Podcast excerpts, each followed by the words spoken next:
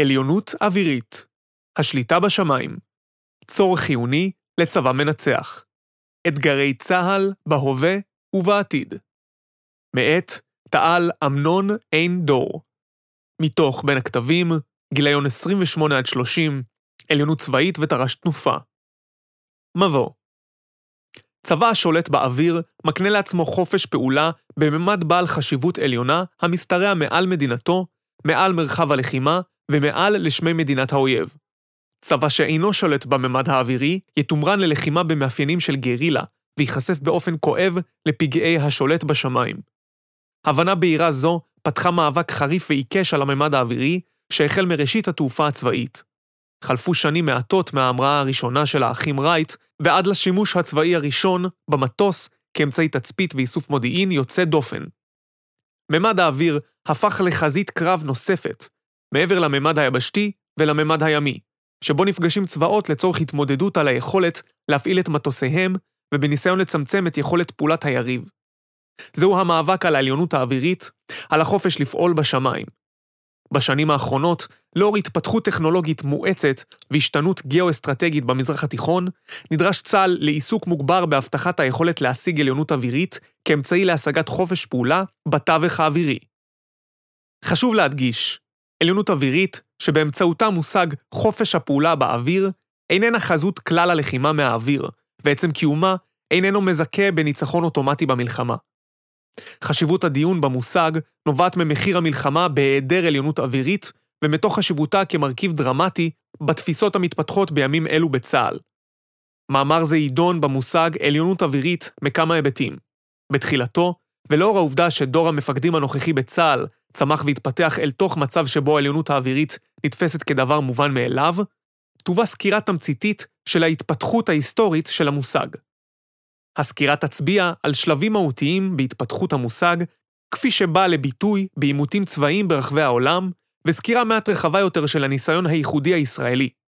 הסקירה ההיסטורית נועדה להעמקת הבנת המושג ושורשיו ולבחינת מאפייני האתגר כיום. בחלקו השני יעסוק המאמר באתגרי העת הנוכחית ובאתגרים עתידיים הניצבים בפני צה"ל לצורך השגת חופש הפעולה באוויר, ויצביע על כיווני פעולה נדרשים לאור משמעות ההתפתחויות הטכנולוגיות וההתפתחויות במזרח התיכון.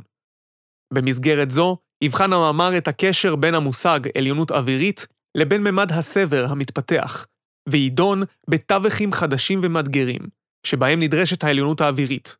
הרום הנמוך, על שלל סוגי הרחפנים הפועלים בו, והמאבק על העליונות האווירית בתווך הבליסטי ובתווך הרקטי. חמש הבנות יסוד בעניין הצורך והרווח מהשגת עליונות אווירית. א. המטוס הינו כלי טכנולוגי. אם ברצונך להילחם מהאוויר, עליך להיות מסוגל לטוס, להמריא ולפעול מהשמיים, ומכאן שאתה נדרש לסלק מכשולים הפוגעים ביכולת המטוס לטוס, כלומר, להשיג עליונות אווירית. ב.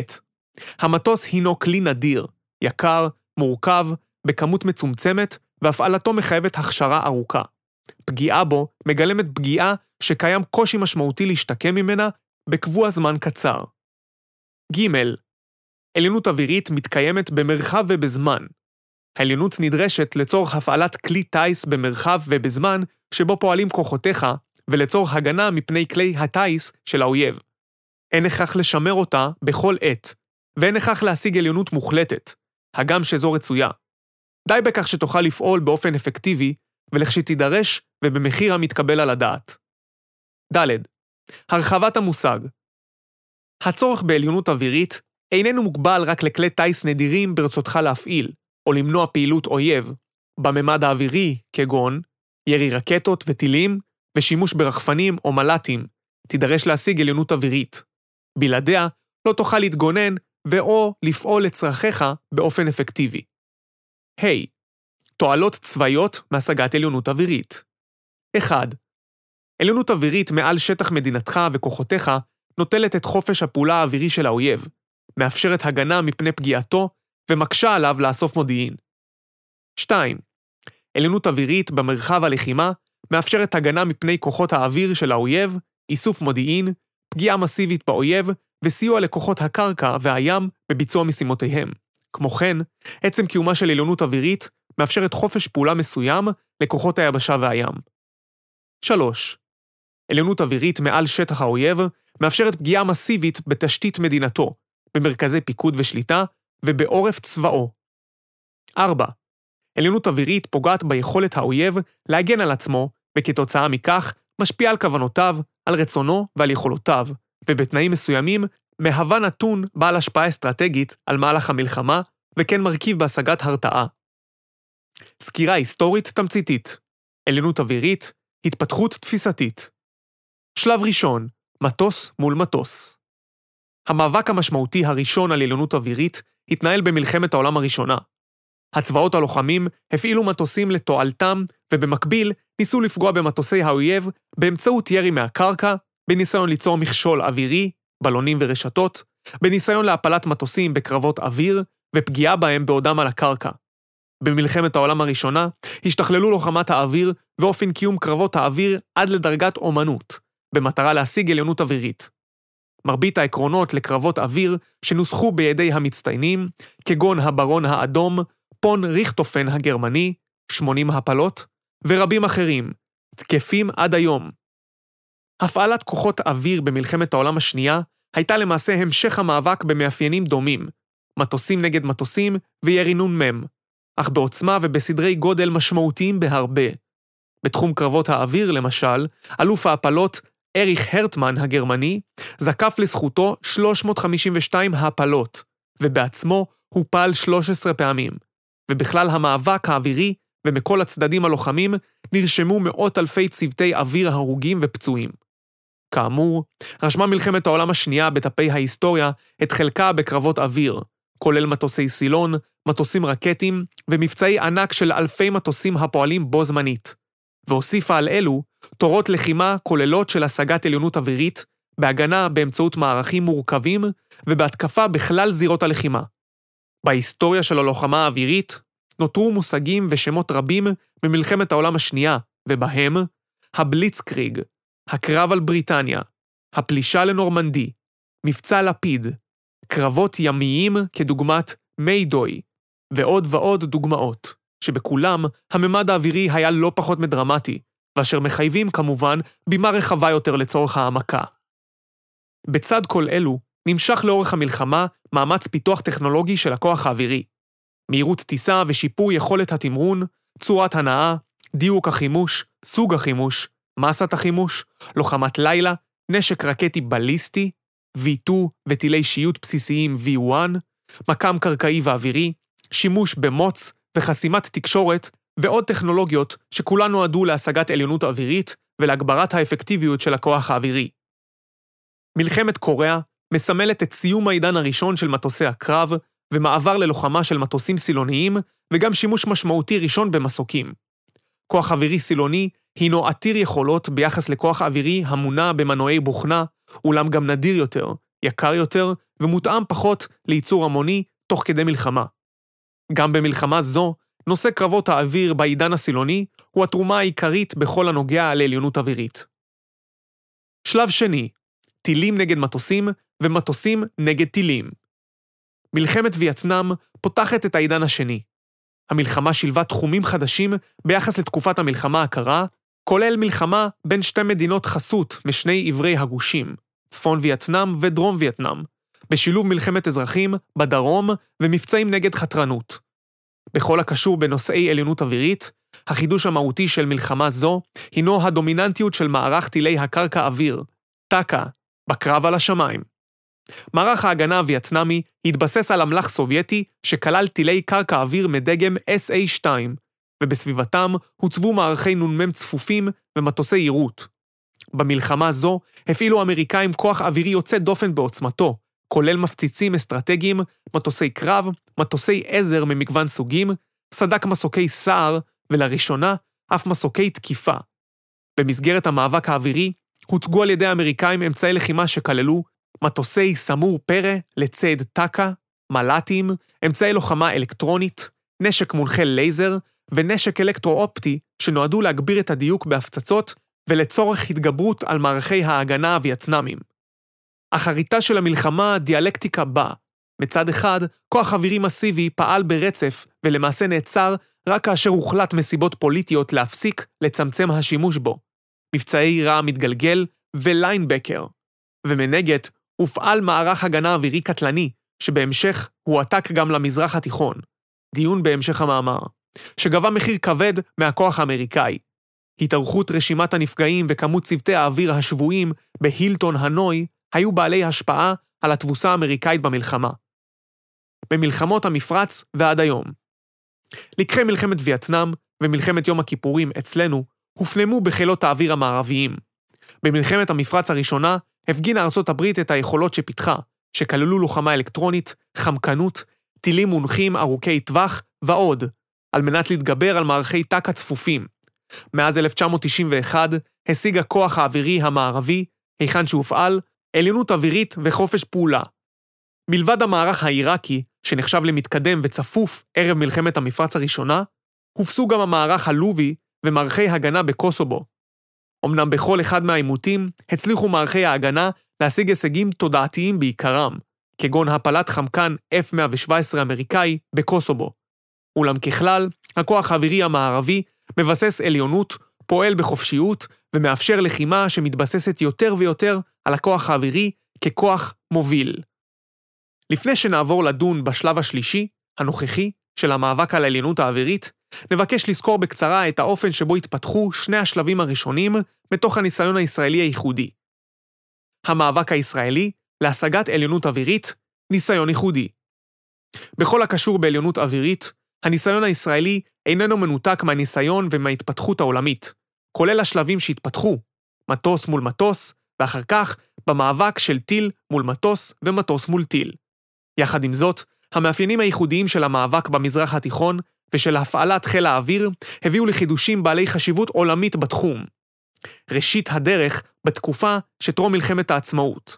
היישוב הישראלי לא אחז בכוח אווירי, למעט סדק מצומצם של מטוסים קלים שהיו בשירות האוויר במסגרת הפלמ"ח, וחווה פגיעה כואבת שכללה תקיפות חיל האוויר המצרי על תל אביב, ראשון לציון, רמת גן ורחובות, שנמשכו ממאי עד יולי 1948 וגרמו ל-150 הרוגים, ברובם אזרחים. חוסר אונים זה צרב היטב בתודעת ההנהגה את המשמעות של חוסר בעליונות אווירית ואת השפעתה על חוסר היכולת להגן על העורף. עדויות לכך נמצאות בכתבי בן גוריון ובמאמץ העילאי שהתקיים לאורך המלחמה להקים כוח אווירי.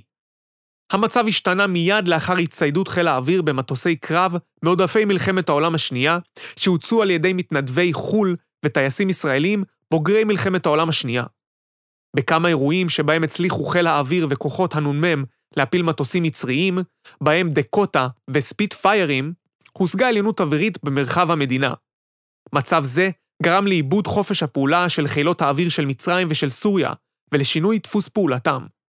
עליונות זו מעל מדינת ישראל נשמרת עד היום, ולמעט אירועים חריגים לאורך השנים, ובהם חדירות בודדות של מטוסי אויב לשטחי המדינה, כגון תקיפת טופולוב עיראקי והאנטרים ירדנים בשטחי המדינה במסגרת מלחמת ששת הימים. שמי המדינה מוגנים. צה"ל ניצל את העליונות האווירית מול צבאות מצרים, סוריה וירדן, ולמעשה במסגרת הקרבות במלחמת השחרור פעלו כוחותיו ללא איום משמעותי מהאוויר. כמו כן, הצליח חיל האוויר לבצע תקיפות על כוחות מצרים בגשר עד ההלום במסגרת בלימת הצבא המצרי, לתקוף כמה פעמים בבירות ערביות, ובהן דמשק וקהיר, לתספק כוחות ולחלץ נפגעים באמצעות מטוסים קלים. ניתן לסכם את מלחמת העצמאות בכך שעיצבה השפיעה על הבנות קיימות בקרב ההנהגה הצבאית והאזרחית לגבי הצורך בכוח אווירי משמעותי. מלחמת ששת הימים מייצגת את ההצלחה הישראלית להשגת עליונות אווירית בכלל מרחבי הלחימה בעידן של מאבק מטוס מול מטוס. תהליכי התכנון בחיל האוויר למלחמת ששת הימים החלו כבר במחצית שנות ה-50. התפיסה והתורה להשגת עליונות התבססו על תפיסות שהתפתחו ונוסו במסגרת מלחמת העולם השנייה, על ידי הגרמנים ועל ידי בעלות הברית. התפיסה כללה תקיפה מוקדמת, רצוי בהפתעה, באמצעות הכוח האווירי על בסיסי האויב בעודו על הקרקע, לא מוכן ופגיע, ובהמשך ביצוע מבצעים יזומים לצורך הפלת מטוסים בקרבות אוויר. אחרית דבר, כידוע, בזכות המודיעין, התכנון, הביצוע הקפדני והתנאים המדיניים שייצרו עיתוי מושלם, הפך מבצע מוקד שנועד לצורך השגת עליונות אווירית מערכתית, למבצע הכרעה אסטרטגי שאפשר את כלל הישגי צה"ל בהמשך. לאחר השגת העליונות, פעל חיל האוויר במרחבי הלחימה ובעומק שטח מדינות האויב, כתש את הצבא המצרי בסיני, סייע בקרבות ביהודה ושומרון ובכיבוש רמת הגולן. במלחמה זו, ולאור ההצלחה הכבירה, התקבעה בצה"ל ההבנה לגבי הצורך בהשגת עליונות אווירית בפתיחת הלחימה וכשלב בפני עצמו במלחמה. נושא זה יהפוך לדיון צבאי וציבורי בעקבות מלחמת יום הכיפורים, ודווקא על רקע הכישלון בהשגת עליונות אווירית במרחבי הלחימה ובעומק שטח האויב. מלחמת ההתשה כללה פעילות אווירית ישראלית נרחבת. קרבות אוויר בין מיראז'ים ופנטומים לבין מיגים בחלק הדרום-מזרחי של תעלת סואץ, מרחב שזכה לשם טקסס. תקיפות עומק במצרים ותקיפות בחזית התעלה. במהלך מלחמת ההתשה נתקל חיל האוויר באתגר החדש של מערכי טק"א סובייטיים מתקדמים וצפופים, ובפעולת מטוסי היירוט של האויב בחסותם. תופעה זו הביאה להתפתחות מאבק של חיל האוויר מול מערכי טק"א בניהול סובייטי. באופן יחסי להתמודדות של האמריקאים בווייטנאם, נחל חיל האוויר הצלחות מרשימות במלחמת ההתשה, ובפרט בעת שנתקל בחילות האוויר של האויב, שכללו גם טיסות סובייטיות מובהקות.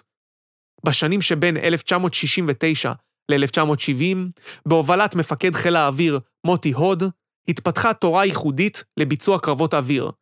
התורה הצליחה להציב את טייסי חיל האוויר באופן מדויק למפגש מול האויב המצרי והסורי, כאשר הם ביתרון מספרי, בתמונת קרב טובה יותר, מצוידים במטוס טוב יותר, נתמכים במערך מודיעין ושליטה איכותיים במיוחד, והם בעצמם צוותי אוויר, נבחרת ייעודית, מאומנים ובעלי רמת טיסה גבוהה מאוד.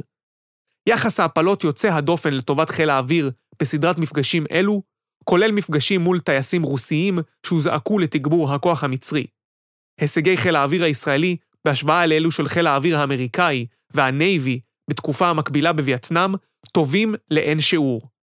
בפרספקטיבה עולמית, בהקשרי עליונות אווירית, הייחוד בפעילות חיל האוויר היה הפעלת כוח אווירי באופן התקפי, בהתבסס על עקרונות שהוצבו במקורם לצורך הגנה במהלך מלחמת העולם השנייה. בפרספקטיבה של מלחמת ההתשה, עליונות זו שימשה כמטריית הגנה לכוחות צה"ל בחזית, ובמוצבים מפני תקיפות של כוח אווירי מצרי. בד בבד, החל חיל האוויר להרגיש בהשפעה השלילית של מערכי הטאקה שנבנו בתמיכה סובייטית בקרבת תעלת סואץ. כלפי חידוש זה לא היו עדיין תורת לחימה ואמצעי התמודדות עדכניים. חיל האוויר קיים מבצעים רבים לפגיעה במערכי טאקה אלו, ואכן פגע במאות מצרים שעבדו בהקמת המערך. אך יחד עם זאת, ספג אבדות קשות ובקצב גובר. במרוץ שבין הפגיעה הישראלית במערך הטאקה לבין ההשקעה הסובייטית בהקמתו, ידו של הצד הרוסי-מצרי הייתה על העליונה, וחיל האוויר איבד את היכולת לפעול בחופשיות במרחבים מוגנים.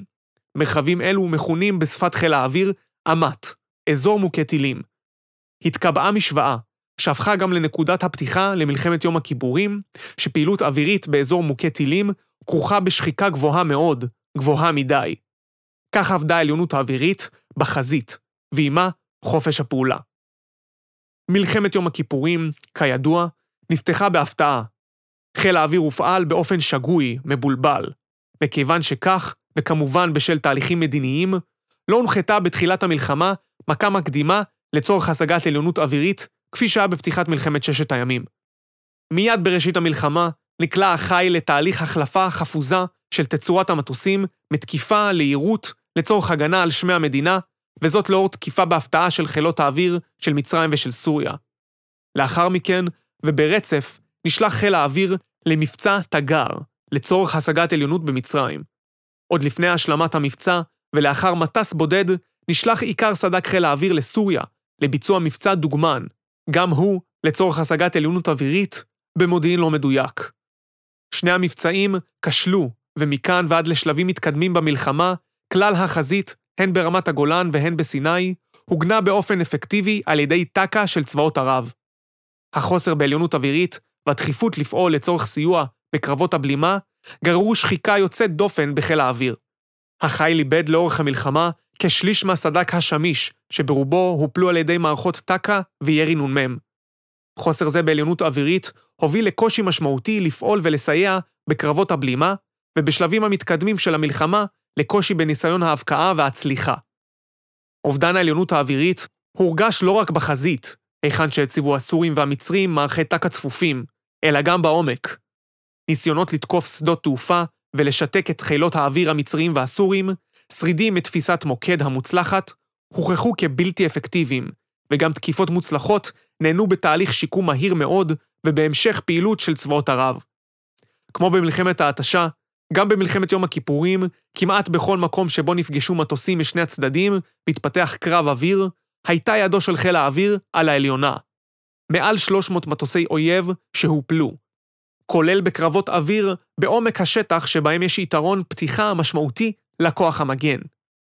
כמו במלחמת ההתשה, כוחות אוויר סורים ומצריים לא הצליחו לבצע פעילות אפקטיבית ורציפה כנגד כוחות צה"ל. תקיפות אוויריות של מטוסים סוריים ומצריים על כוחות צה"ל, לרבות אירועים קשים עם נפגעים, אמנם אירעו, אך אלה היו בודדות וספורדיות. בסך הכל, הצליח חיל האוויר לספק מטריה הגנתית, אך נכשל בהבאת היתרון האווירי לצורך סיוע ישיר לכוחותינו נגד האויב בקרבות. בהקשר עליונות אווירית, הביאה מלחמת יום הכיפורים, כמו מלחמת וייטנאם לפניה, למפגש בין דוקטרינה סובייטית של הפעלת מערכי טק"א לבין כוח אווירי, ותוצאותיו הם כישלון ישראלי להשגת חופש פעולה. כישלון זה חייב חזרה לשולחן השרטוטים, ביצוע תחקיר מעמיק לצורך עיצוב תורת לחימה מותאמת לאיום הטק"א, או כפי שניסח זאת עזר ויצמן, מפקדו השישי של חיל האוויר, הטיל כופף את כנף המטוס. מלחמת לבנון הראשונה, שלג, הייתה התיקון. חיל האוויר, למעשה צה"ל כולו, השלים תהליך תחקיר ובעקבותיו בניין כוח עמוק ופיתוח תפיסה ייחודית להשגת עליונות אווירית. במלחמה הופעלה פקודת ארצב 19, שהביאה לביטוי גישת לחימה חדשנית, מודיעין מדויק בזמן אמת, תורת פיקוד ושליטה, ומגוון טכנולוגיות חדשות לאיתור סוללות הטק"א ולהשמדתן מנגד בסיכון נמוך. המבצע נחל הצלחה, ובו הושמד כלל מערך הטק"א הסורי במרחב בקעת הלבנון, כאשר תוך כדי הופלו גם 20 מטוסים סורים בקרבות אוויר. ההצלחה יוצאת הדופן הדהדה בעולם, והעלתה סימני שאלה לגבי איכות מערכי ההגנה הסובייטיים באופן כללי, ועל אדמת אירופה באופן ספציפי. קיימת סברה שלהצלחה בהשמדת מערך ההגנה הסורי בבקעת הלבנון הייתה השפעה כחלק מהתהליכים שהביאו באחריתם לנפילת החומה ב-1989 ולהתמוטטות הגוש הסובייטי. נוסף על כך, וכהמשך ישיר למלחמת ההתשה ולמלחמת יום הכיפורים, במהלך כל מלחמת לבנון הראשונה, הפיל חיל האוויר בקרבות אוויר 82 מטוסים סוריים ללא אף אבדה, והשיג בכך הישג חסר תקדים ברמה העולמית בהפעלת כוח אווירי. מאחורי ההצלחה יוצאת דופן זו, הסתתרו תהליכי עומק, שחלקם חידוש ישראלי עולמי. תהליך מיון והכשרת צוותי אוויר, תפיסת אימון, תפיסת הפעלה ושליטה מרכזית, איסוף מודיעין רלוונטי ועליונות טכנולוגית שאפשרה ניצול מדויק של כלל הנכסים האוויריים. מבחינת העליונות האווירית, הסתיימה מלחמת לבנון הראשונה, כשהשמיים בחזית הלחימה בידי צה"ל. מצב זה נמשך עד היום, וקיבע תודעה שגויה בצה"ל שעליונות אווירית איננה אתגר, היא תמיד תעמוד לרשותנו. הווה ועתיד השגת עליונות אווירית מייצרת מאבק בין הצדדים הלוחמים. בצד ההצלחה והרווח המשמעותי בעבור ישראל מהשגת העליונות האווירית, הרי שצבאות ערב וארגוני הטרור, ובהם חמאס וחיזבאללה, בחרו לפנות לאסטרטגיה צבאית שמנסה לייתר את הצורך בהשגת עליונות אווירית. הדבר נעשה על ידי שילוב כמה מרכיבים הגנתיים, שבהם התאמות באוכלוסייה אזרחית, מעבר לתת-קרקע ופיזור נרחב של נכסים. ובצד ההתקפי, שימוש בטילים וברקטות כתחליף לכוח אווירי, אין צורך לנצח בקרבות אוויר, ובעת האחרונה, אף שימוש מוגבר במל"טים וברחפנים לצורך איסוף מודיעין ולתקיפה מדויקת. המעבר לסוג לחימה זה התבסס על תהליך אבולוציה היסטורית שעיקרו כישלונות מול צה"ל, כולל בתווך האווירי, וניסיון למציאת תחליפים צבאיים. ניתן לציין את התחנות הבאות כבעלות משמעות על הצד הערבי, בהקשרי חיפוש תחליף להשגת עליונות אווירית. 1. טרור וגרילה באמצעות ירי רקטי לעבר קריית שמונה בצפון ישראל על ידי ארגוני הטרור, שהראה אפקטיביות רבה בכל הקשור בהשפעה על דעת הקהל בישראל וחסינות מפני כוח אווירי. 2. הבנות עומק של הבכירים בצבאות ערב לאחר מלחמת לבנון הראשונה, וביתר שאת לאחר מלחמת המפרץ, בעניין העוצמה האווירית המערבית ומשמעותה. 3. השימוש העיראקי בירי תק"ק לעבר מדינת ישראל במלחמת המפרץ, שיצר תודעה לגבי מרחב צבאי שבו לישראל לא היה מענה. 4. כל עימות צבאי, החל מסוף שנות ה-80, שהראה כי ניתן לפגוע בישראל באמצעות אש מנגד. 5. התפתחות טכנולוגית צבאית ואזרחית שמאפשרת התקדמות ניכרת בטילאות, בדיוקה ובטכנולוגיית מל"טים ורחפנים. שלב שלישי, אתגרי העליונות האווירית של העת הנוכחית. המצב הנוכחי הינו תקופה שבה המאבק להשגת עליונות אווירית משתנה לאור האתגרים הטכנולוגיים והגיאו-אסטרטגיים. האתגרים המסורתיים להשגת עליונות באמצעות קרבות אוויר ומאבק כנגד סוללות טילי קרקע-אוויר, בתוקף ואף מתעצמים. אולם ההתפתחויות הבאות בזירת הלחימה ובזירה הטכנולוגית מתווספים אליהם ומחייבים תשומת לב יהודית. האתגרים שאותם מציבים השחקנים השונים בזירה. נוכחות מעצמתית פעילה. ההתייצבות הרוסית בסוריה במהלך מלחמת האזרחים מגלמת אתגר כפול בהקשרי עליונות אווירית. נוכחות של מעצמה במרחב מהווה אתגר לחופש הפעולה הישראלי בשגרה, וכן איום על העליונות האווירית בלחימה. הגם שהנוכחות הרוסית שונה במאפייניה מהנוכחות הסובייטית בשנות ה-70, הרי שהיא מחייבת שיקול דעת רחב בכל מהלך ישראלי לגבי ההשפעות על רוסיה, כולל השפעות משנה, אירועי הפלת המטוס הרוסי על ידי מערך הגנה סורי כדוגמה. כלומר, נוכחות מעצמתית במרחב מצביעה על כך שחופש פעולה אינו רק עניין של מאבק צבאי וטכנולוגי, אלא תחום בעל מרכיבים מדינתיים אסטרטגיים שיש לנהל בקפידה. יתר על כן, לצורכיהם, הכניסו הרוסים לזירה אמל"ח מתקדם הכולל אמצעי מודיעין, שיבוש מערכות ניווט ופעילות בספקטרום, הודגמה השפעה על תעופה בינלאומית במרחב, מטוסי קרב מתקדמים וסוללות טק"א חדישות כגון SA-22, S-400, המכסות חלקים נרחבים של מרחב הלחימה. הטכנולוגיה הרוסית מציגה שיפורים ניכרים במערכות ההגנה ביחס למערכות העבר. השיפורים כוללים מערכות שליטה ובקרה ממוכנות ודיגיטליות, שיפורים בקינטיקה, ביצועי דחף ותמרון, ובביצועי החימוש שבידם.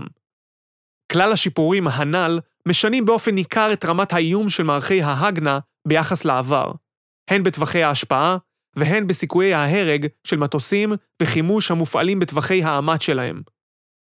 איראן בשנים האחרונות מתנהל מאבק גלוי בין המערב לבין איראן. בהקשרי עליונות אווירית, מהווים האיראנים אתגר בעבור ישראל בכמה מובנים. הנוכחות האיראנית במרחב מביאה עמה מערך להגנה אווירית על נכסיהם ולצורך הגבלת חופש הפעולה של ישראל. הפעילות האיראנית מתבססת על טכנולוגיות מגוונות, חלקן רוסיות וחלקן מתוצרת עצמית, ועל שיטת פעולה המתבססת על תפיסות שונות מאלו שהחדירה רוסיה למרחב לאורך השנים. סוריה סוריה החלה בהתעצמות משמעותית במערכי הגנה מתקדמים עוד טרם מלחמת האזרחים. לאורך מלחמת האזרחים דאג אסד לשמר את מערך ההגנה האווירית, ולמרות שחיקה משמעותית בצבאו, בסך הכל נותר מערך זה על כנו. כיום בהתבסס על ההתעצמות טרם מלחמת האזרחים ועל האינטרס הרוסי לחזק אחיזה במרחב, ממשיך ומצטייד אסד בטק"א מתקדם, הכולל את מערכות ה-S-300 ארוכות הטווח, ומגוון רב של סוללות טק"א לטווחים בינוניים וקצרים, כגון SA-22, SA-17, SA-26 ונוספים. במהלך השנים החולפות, בעידוד רוסי ואיראני, צבר המערך הסורי ניסיון רחב מול פעילות חיל האוויר. אמנם כיום מתקשה מערך זה לעצור את הפעילות הישראלית, אולם נכון יהיה לקחת בחשבון את הטכנולוגיה המתקדמת שהוענקה לו ואת הניסיון המצטבר, וכמובן את המוטיבציה הגוברת להשיב את הריבונות הסורית, גם באוויר. חיזבאללה הארגון מגלם את החזית המשמעותית ביותר מול ישראל. לאורך השנים חווה חיזבאללה במלוא העוצמה את המשמעות של עליונות אווירית ישראלית. בצד הדיווח על אותו ניצחון אלוהי במסגרת מלחמת לבנון השנייה, הרי שההרס הרב בדרום לבנון ובדחיה, הפגיעה המפתיעה מבחינתו במערכים אסטרטגיים והפעילות האווירית היומיומית והחופשית בשמי לבנון, צרבו בתודעתו את הצורך לפעול לצמצום חופש הפעולה הישראלי. חיזבאללה, במימון איראני, פועל במגוון דרכים לצורך טיפול באתגרים אלו. הארגון פועל להקמת מערך הגנה אווירית בעל מאפיינים מסורתיים, המתבסס על מערך גילוי ומערכי טק"א, בכדי לפגוע בפעילות חיל האוויר. כמו כן, הארגון מאמץ טכנולוגיות ושיטות פעולה איראניות לצורך הקמת מערך זה. לאור העליונות האווירית הישראלית כיום, נבנה המערך כמערך גרילה נסתר, בדומה לפעילות שבוצעה בקוסובו. ומשמעות העניין היא שהמערך, בתצורה זו, לא יוכל לעצור את חיל האוויר. אולם אם לא יטופל המערך הזה, הוא עלול, במצב הנוכחי, לפגוע בכוחות האוויריים, להשפיע על חופש פעולתם ולהשיג הישגים תודעתיים. ואם ימשיך המערך להתפתח, יוכל אף לאיים באופן ניכר על חופש הפעולה הישראלי, ומכאן שנדרש לעסוק באופן רציף במענה מולו. כידוע, מאז מלחמת לבנון השנייה, התמקד חיזבאללה בהקמת מערכים רקטיים נרחבים המפוזרים בכל לבנון, וזאת לצורך התמודדות עם הכוח האווירי ועם יכולות המודיעין הישראליות. המערך הרקטי מהווה את האתגר המשמעותי בעבור צה"ל, ובעיקר בהגנה על העורף הישראלי. בשנים האחרונות, ולאור התפתחות טכנולוגית, פועל חיזבאללה להשגת יכולת דיוק לטילים אלו, ובכך לאפשר יכולת פגיעה בתשתיות אסטרטגיות ובמטרות צבאיות, יחד עם פגיעה נרחבת בתשתית ובאוכלוסייה אזרחית, שאליה הוא מסוגל כיום. מערך זה מהווה אתגר מהותי על העליינות האווירית הישראלית. הוא מאתגר את העורף הישראלי, את חופש הפעולה של כוחות צה"ל בחזית, בהיותם מאוימים על ידי האש האינטנסיבית של האויב, ואת הרציפות התפקודית של צה"ל ושל העורף בשל איום הטילים המדויקים על מטרות ערכיות. איום זה לא פוסח על חיל האוויר עצמו, על בסיסיו ועל מערכי ההגנה האווירית שלו. מגמות נוספות במזרח התיכון. כפי שראינו בעבר, שלבי ההתפתחות במאבק על העליונות מתווספים אלה לאלה, ולא מחליפים זה את זה. וכך, בשעה שאנו נדרשים לעסוק באתגרים המתפתחים בתחום הטק"א המתקדם והירי תלול המסלול, מתפתחים באזור חילות אוויר מודרניים. אלה אמנם אינם נחשבים לאיום כיום, אך הפוטנציאל השלילי מחייב מעקב. מדינות האזור מצטיידות בסד"כ מתקדם של מטוסי קרב ומל"טים בכמות עצומה מתוצרת ארצות הברית, אירופה, רוסיה וסין. בנוסף, מתרחשת הצטיידות בחימוש ארוך טווח, קרקעי ואווירי. הצטיידות נרחבת במערכי הגנה אווירית אסטרטגיים ארוכי טווח מתוצרת רוסית, סינית ואיראנית. עליונות אווירית, מרחבים טכנולוגיים וטווחים חדשים במאבק. על הקשר בין עליונות אווירית ללוחמה אלקטרומגנטית, בספקטרום. הכוח האווירי המודרני מתבסס בהפעלתו על מערכות רבות הפועלות בספקטרום, ובהן מערכות קשר, מערכות שליטה ובקרה, מערכות מקם ומערכות ניווט. בכדי להסיק ולשמר עליונות אווירית, נדרש לפעול בתווך האלקטרומגנטי, ולשמר גם בו יכולת פעולה רציפה, וכמובן לשבש יכולות אויב. נושא זה מוכר היטב לכוח האווירי.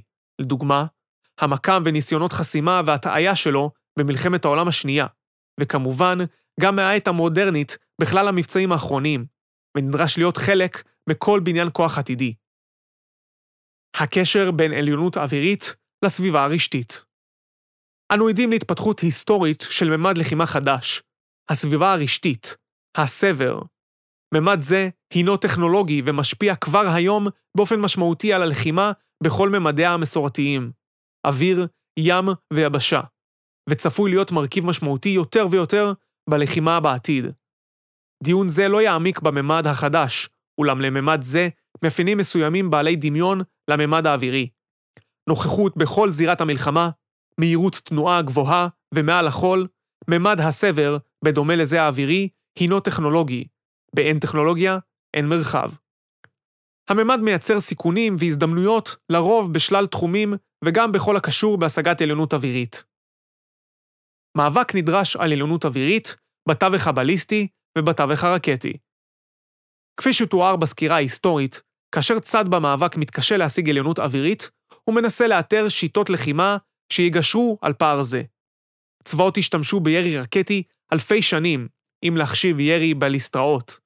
אך החידוש המשמעותי בתחום, כאמור, התרחש במלחמת העולם השנייה. הגרמנים פיתחו את טילי ה-V1, טילי שיוט, ובהמשך את טילי ה-V2, תק"ק, לצורך פגיעה בלונדון, תוך שהם מפצים על כישלונם לפעול בחופשיות בשמי בריטניה בכוח אווירי מאויש. במקביל, פיתחו הסובייטים לצרכים טקטיים את הארטילריה הרקטית, הקטיושות המפורסמות, וכך הולידה מלחמת העולם השנייה את האתגר המרכזי שעמו מתמודד העורף הישראלי כיום. השימוש בתווך הבליסטי היגר למזרח התיכון. המצרים והסורים הצטיידו במערך בליסטי, ובמלחמת יום הכיפורים, המצרים ירו טילי סקאד לעבר כוחות צה"ל בסיני, והסורים ירו טילי פרוג שפגעו בבסיס חיל האוויר רמת דוד ובסביבתו. שימוש זה בטילים היה סנונית ראשונה לשימוש מסיבי בתק"ק במזרח התיכון. עיראק הפעילה מערך בליסטי במלחמת איראן-עיראק בכדי לפגוע בטהרן ולהתגבר על מערך ההגנה האווירי האיראני, ובהמשך, כידוע, פעלה כנגד ישראל במלחמת המפרץ. ההצלחה הזו של פגיעה בישראל עודדה הקמת מערכי טילים בסוריה, באיראן, בחיזבאללה ובחמאס, ובעת האחרונה, את הניסיון לשפר את דיוקם. לכאורה, נמצא המענה נגד ישראל, נגד העליונות האווירית הישראלית. בעקבות משמעויות וחוויות החוסר אונים שיצר הירי העיראקי, פותח בישראל מערך החץ להגנה מטילים בליסטיים, ובפועל נפתחה מערכה חדשה על עליונות אווירית בתווך הבליסטי. מערכה זו התפתחה לתווך הרקטי, כאשר ישראל החליטה לפתח מערך הגנה כנגד רקטות קצרות טווח של חמאס ושל חיזבאללה, שהופעלו כנגד ישראל ללא כל מענה. כיפת ברזל. המערכת פעלה באופן נרחב בשנים החולפות, והרתה טילי אויב בכלל זירות הלחימה, ובתוצאות מרשימות. המאבק על העליונות האווירית בתווך הבליסטי והרקטי בעיצומו, ואחריתו איננה ידועה. בנקודת זמן זו, ישראל עדיין מתקשה להגן באופן הרמטי מפני ירי במאפייני טרור כנגד ריכוזי ערים, ואתגר זה הוא האתגר הצבאי המשמעותי ביותר שעומד לפתחה. יחד עם זאת, ביצועי כיפת ברזל ותהליכי בניין הכוח במערכות החץ וקלע דוד, כמו גם מגמות עולמיות נוספות, מראים שיקשה על אויב לפעול באופן חופשי, כפי שהתאפשר לעיראק במלחמת המפרץ ולחיזבאללה במהלך מלחמת לבנון השנייה. מניתוח פעילות הצדדים הלוחמים, מתבהרת תמונה שירי תק"ק, בשונה מהעבר, איננו בהכרח מענה המייתר צורך בעליונות אווירית. צד שירצה להפעיל מערך תק"ק באופן אפקטיבי בעתיד, יידרש לפעול לצורך הבטחת שרידותו, בטרם השימוש, וחודרותו בעת מעוף הטיל, כלומר, להיאבק על חופש פעולתו. מאבק זה אינו הרחבה של המושג עליונות אווירית, והינו, כאמור, אתגר לפתחנו. הרום הנמוך, מאבק חדש על עליונות אווירית. בעשור האחרון התפתחה טכנולוגיה תעופתית אזרחית בקצב מהיר ויצרה את הרחפן.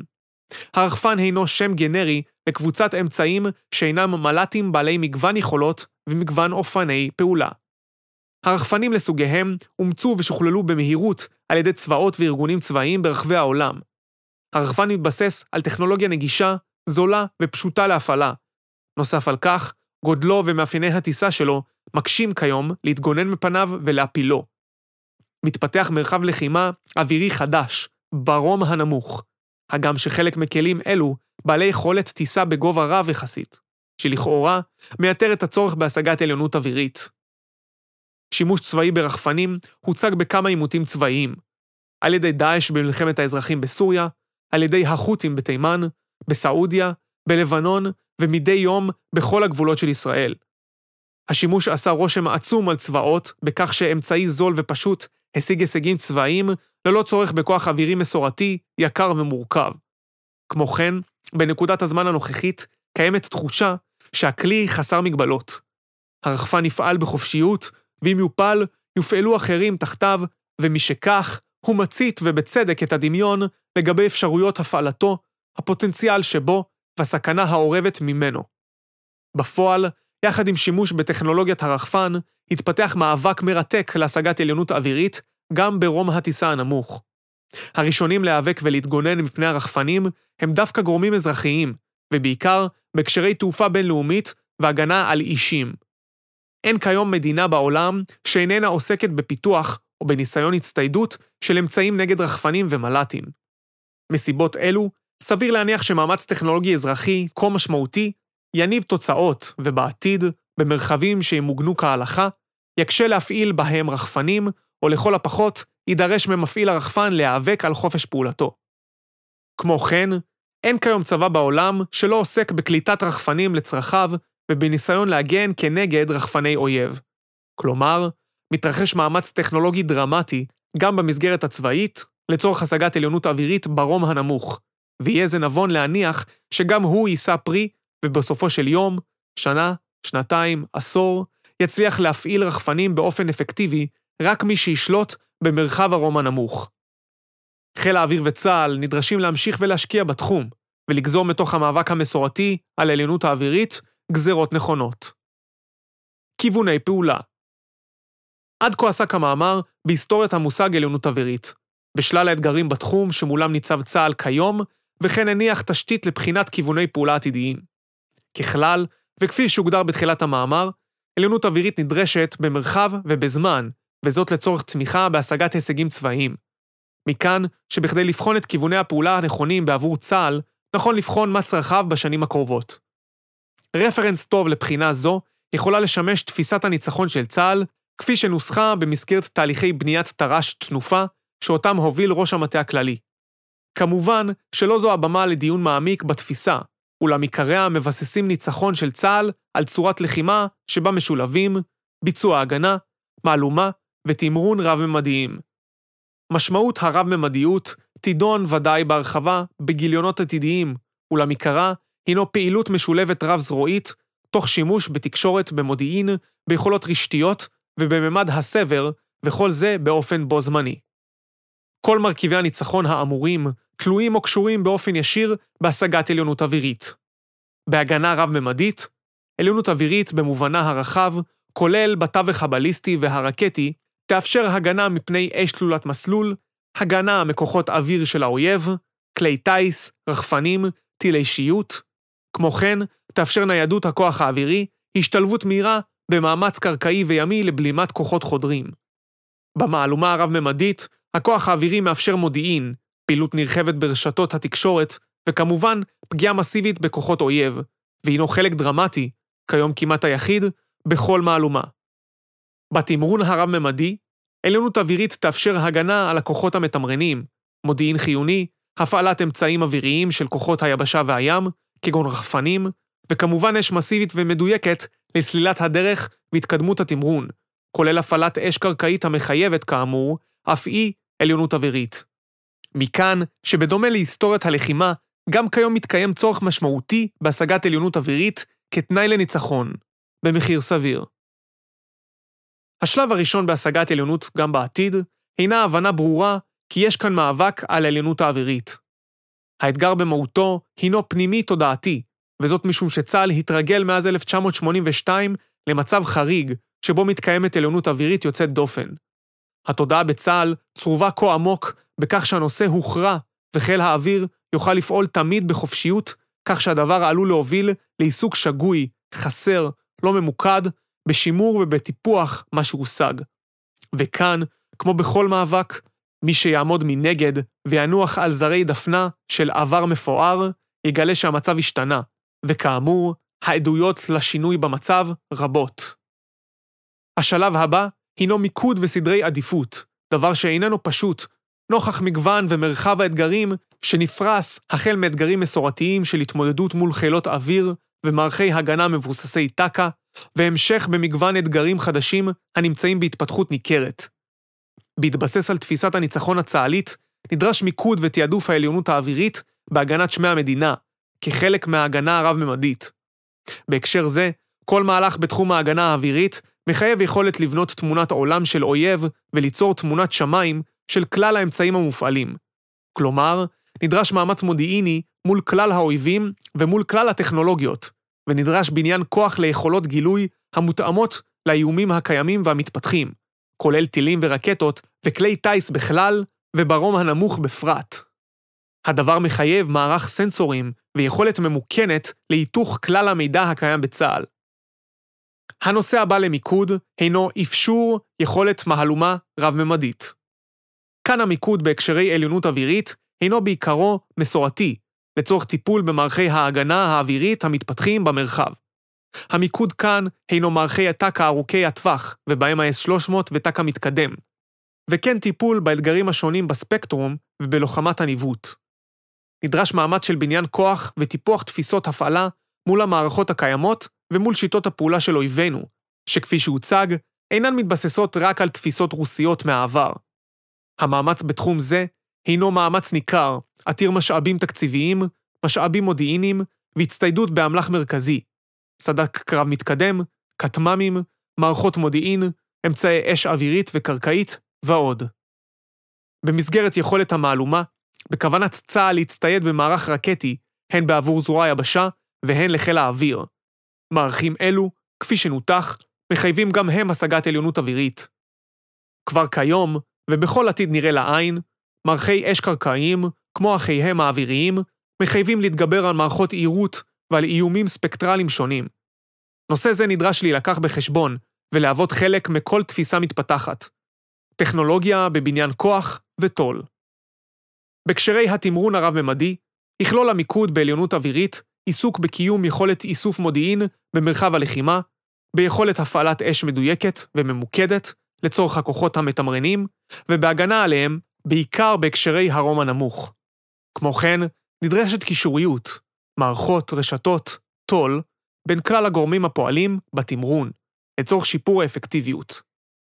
לצורך כל אלו, יש צורך בהתארגנות מותאמת שתכלול חיבור רב-זרועי במרכזי השליטה והמודיעין, וגם באופן הפעלת האש.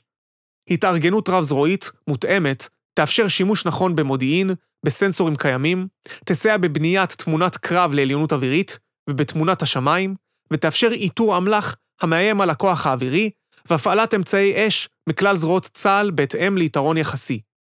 היכולות הרשתיות המתפתחות מאפשרות להפעיל את נכסי צה"ל נגד האויבים לאו דווקא בשיטה של סימטריה מול אויב.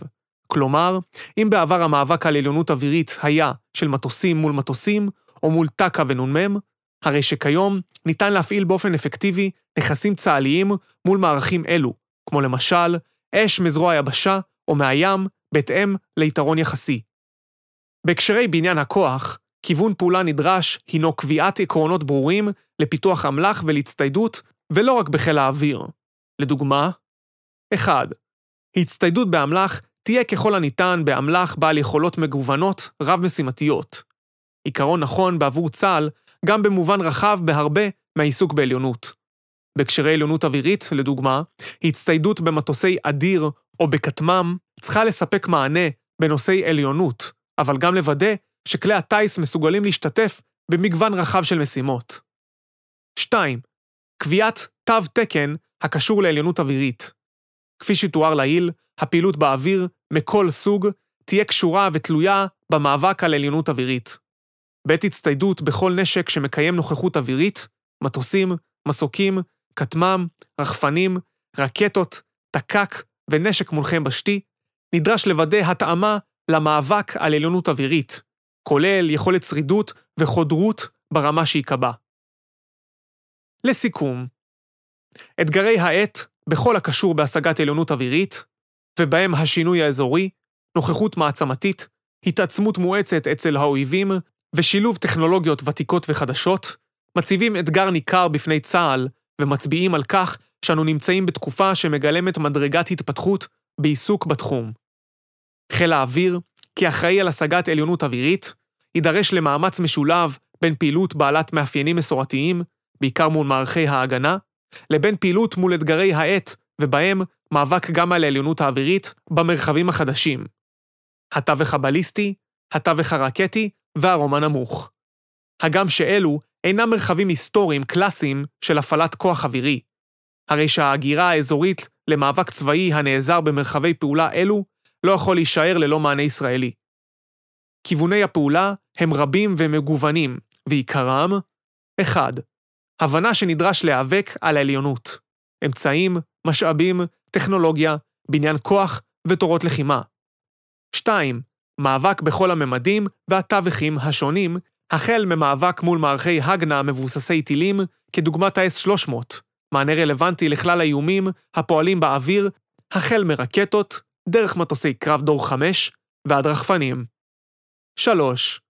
התארגנויות רלוונטיות שמנצלות את הטכנולוגיה המתפתחת למאמץ בין-זרועי ובין-ארגוני, ושיתוף פעולה הדוק, ובדגש על מרכיבי המודיעין, הסבר והאש הצה"ליים.